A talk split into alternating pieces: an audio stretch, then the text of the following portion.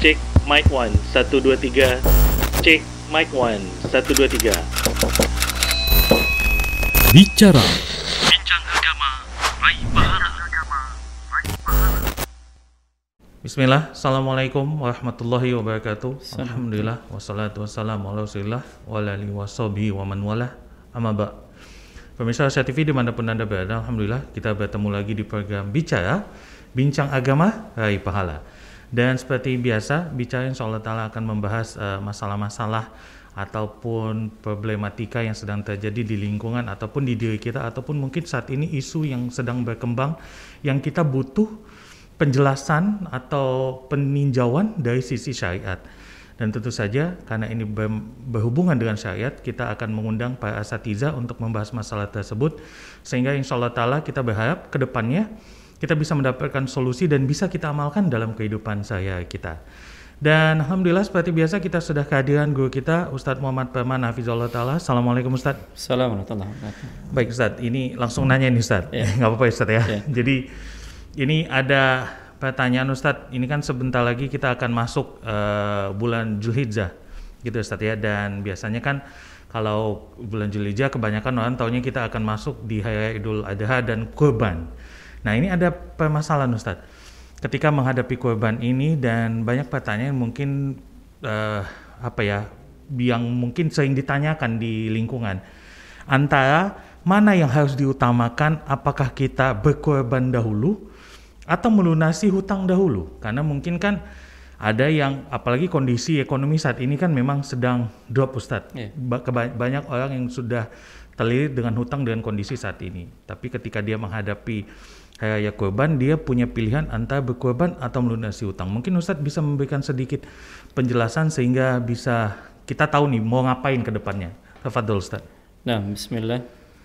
Alhamdulillah. Wassalatu wassalamu ala Rasulillah wa alihi wa ashabihi wa man tabi'ahum bi ihsanin ila yaumiddin wa ba'du. Para pemirsa Rasya TV yang dimuliakan oleh Allah. Alhamdulillah bersyukur kita kepada Allah Subhanahu wa taala. Kita sekarang sudah berada di bulan haram, bulan Dzulqa'dah. Dan mungkin dalam waktu singkat dan itu tidak terasa akan sampai nanti bulan Dzulhijjah bulan yang memang di dalamnya ada ibadah besar. Ibadah dengan harta yang kita miliki yaitu berkurban. Karenanya Allah Subhanahu wa taala mengatakan di dalam surat uh, Al-Kautsar fasalli lirabbika wanhar. Dan dirikanlah salat dan berkurbanlah untuk Rabbmu itu Allah Subhanahu wa taala di dalam ayat ini perintah syariat untuk melaksanakan sholat dan berkurban hanya untuk Allah Subhanahu wa taala. Tentunya ini ibadah yang hendaknya seseorang laksanakan dengan ikhlas karena dia akan mengeluarkan harta yang terbaik yang dia miliki untuk berkurban. Karena Allah Subhanahu wa taala pada dasarnya tidaklah melihat ya, tidaklah menilai, tidaklah menerima daging-daging dan darah hewan kurban kita tapi yang diterima oleh Allah Subhanahu wa taala adalah keikhlasan yang kita lakukan di dalam berkurban. Di sisi lain, Nabi kita Shallallahu alaihi wasallam juga mengatakan walaupun ini uh, hadisnya dinilai oleh para ulama lemah, ya di mana dikatakan man wajada sa'atan falam yudhi fala yaqrabanna musallana. Barang siapa yang mendapatkan kelapangan lalu dia uh, tidak berkurban, maka jangan dia mendekati tempat sholat kami. Arti- Artinya ada ancaman bagi orang yang uh, dia diberikan kelapangan oleh Allah Subhanahu wa taala namun dia tidak berkurban. Nah, masalahnya adalah di dalam kondisi sekarang ini kondisi yang kita katakan ekonomi yang tidak stabil. Ada orang-orang yang dalam kondisi seperti ini dia harus berhutang ya untuk memenuhi kebutuhan-kebutuhan pokok rumah tangganya dan kebutuhan yang lainnya. Sehingga ketika datangnya bulan ini bulan berkurban, apa yang harus dilakukan? Apakah dia e, melunasi hutangnya atau dia berkurban?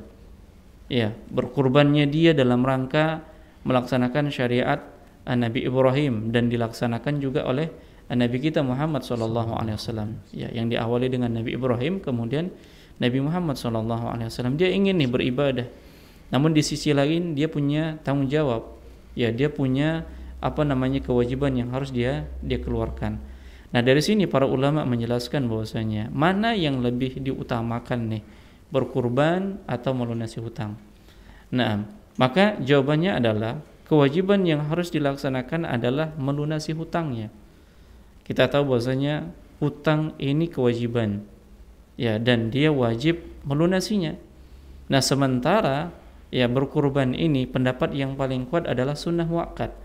Maka yang didahulukan wajib daripada sunnah ya perkara yang wajib ini lebih didahulukan daripada perkara yang perkara yang sunnah.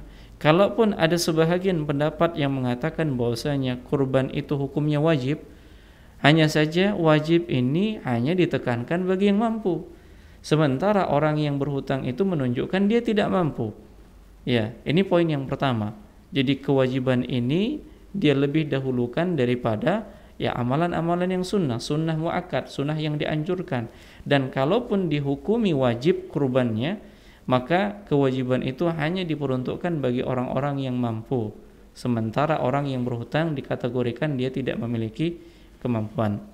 Kemudian yang kedua, orang yang berhutang ini punya tanggung jawab besar dan perhatiannya dan perhatiannya harus difokuskan pada tanggung jawabnya ya pada kewajibannya Nah, ketika dia beralih berkurban, akhirnya dia tidak perhatian dengan tanggung jawabnya. Nah, dengan dia tidak memperhatikan tanggung jawabnya, ini berarti hal ini berhubungan dengan orang yang dia memiliki harta yang dia simpan, harta yang dia uh, yang dia berhutang karenanya. Ya, dia punya tanggung jawab yang harus ditunaikan. Jangan sampai peralihannya dengan berkurban, ya akhirnya tanggung jawabnya ini tidak dilaksanakannya.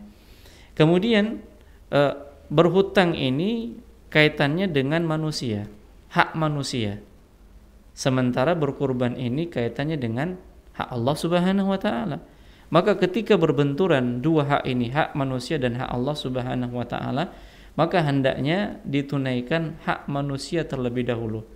Sekiranya di dalam menunaikan hak Allah ini lapang, artinya seseorang itu e, di, diperintahkan untuk melaksanakan syariat Allah sesuai dengan kemampuan. Allah Subhanahu wa taala sendiri mengatakan fattaqullaha mastata'tum. Bertakwalah kalian sesuai dengan kemampuan kalian. Artinya pada saat dia ingin berkurban sementara di sana ada hak manusia yang harus dia tunaikan, maka dalam kondisi seperti ini lapang. Hak Allah boleh dia tunda terlebih dahulu sampai dia diberikan kelapangan oleh Allah Subhanahu wa taala dan takwanya di sini adalah yaitu melunasi hutangnya terlebih dahulu daripada dia harus berkurban. Kemudian yang keempat mungkin bahwasanya ber, uh, membayar hutang ini lebih diutamakan karena adanya kekhawatiran-kekhawatiran yang terjadi. Ya boleh jadi apa? Boleh jadi ketika hutang-hutang ini tidak diselesaikan di dunia, maka ini akan diselesaikan di akhirat. Seorang ketika di hari akhir itu butuh amalan yang banyak, butuh pahala yang banyak. Nah, kalau ternyata pahala-pahala itu e, diberikan kepada orang lain disebabkan karena ada kewajiban yang belum dia selesaikan di dunia yang dikenal dengan muflis. Nabi wasallam mengatakan kepada para sahabat, "Atadruna manil muflis?" Tahukah kalian siapa itu orang yang bangkrut, orang yang pailit? Maka para sahabat mengatakan al-muflisu fina man la dirhamu lahu mata. Orang yang bangkrut di antara kami orang yang tidak punya harta benda, tidak punya dinar dan dirham. Tapi Nabi SAW menyebutkan bahwasanya orang yang bangkrut adalah orang yang datang pada hari kiamat dengan pahala puasa, pahala sholat dan pahala-pahala yang lainnya. Tapi karena dia telah mencaci maki si fulan, mengambil harta si fulan, hutang itu artinya mengambil harta orang lain. Nah, ketika harta orang lain ini dia ambil dan belum dia selesaikan di dunia, maka pahala-pahala yang pernah dia lakukan dari kebaikan-kebaikan di dunia ini akan diberikan kepada orang yang berhubungan dengannya ketika hutangnya tidak dilunasi. Nah, seperti itulah dia. Jadi ancamannya besar ketika orang yang mengabaikan tidak mau membayar hutang di dunia, maka Allah Subhanahu wa taala akan selesaikan nanti pada hari kiamat. Dan di dalam uh, riwayat yang lain, Nabi SAW hendak mensolatkan seorang lelaki Ansar. Ya, lalu Nabi bertanya, apakah dia punya hutang? Ya, apakah dia punya punya hutang? Maka mereka mengatakan iya. Ya beberapa dinar, dua dinar. Ya dua dinar dia memiliki hutang. Maka Nabi katakan, aku tidak mensolatkan. Silakan solatkan saudara kalian. Maka di sana ada Abu Qatadah. yang dia bertanggung jawab terhadap hutang eh, laki-laki uh, Ansor ini. Sehingga pada akhirnya apa Nabi Shallallahu Alaihi Wasallam pun mensolatkan. Nah setelah selesai sholat, setelah dikuburkan, besoknya Nabi bertanya, ya Nabi, Nabi bertanya tentang dua dinar yang ditanggung jawabi oleh Abu Qatadah. Apakah dia sudah berikan? Ternyata belum, ya karena belum sempat. Nah kemudian besoknya lagi ditanya oleh Nabi Wasallam, barulah sudah diselesaikan hutangnya dan Nabi mengatakan barulah sekarang jasadnya dingin. Artinya apa? Ketika hutang-hutang itu belum diselesaikan, ini salah satu penyebab adab kubur. Nah demikian. Nah oleh karenanya jangan sepele dengan perkara hutang ini. Kemudian bahkan sampai orang yang mati syahid sekalipun ketika dia memiliki hutang, dia tidak akan mendapatkan kenikmatan dalam kuburnya ya sampai dia mati syahid sekalipun berperang di jalan Allah kemudian gugur namun dia meninggalkan hutang yang belum dia selesaikan maka dia tidak akan mendapatkan kenikmatan di dalam kubur sampai diselesaikan hutang-hutangnya. Nah dengan demikian mana yang lebih kita utamakan? Ketika kita punya tanggung jawab besar berupa hutang dengan syariat Allah berkorban maka hendaknya kita melunasi hutang kita terlebih dahulu. Hanya saja para ulama menyebutkan kalaulah memang hutangnya ini bertempo, artinya dia punya kelapangan untuk melunasinya. Ya, dan dia tahu bahwasanya dia bisa melunasinya nih. Ada kemampuan untuk melunasinya atau ketika dia berhutang dia punya jaminan, ada yang dia jaminkan. Ya, ada yang ada yang dia jaminkan. Dalam hal ini boleh baginya untuk berkurban.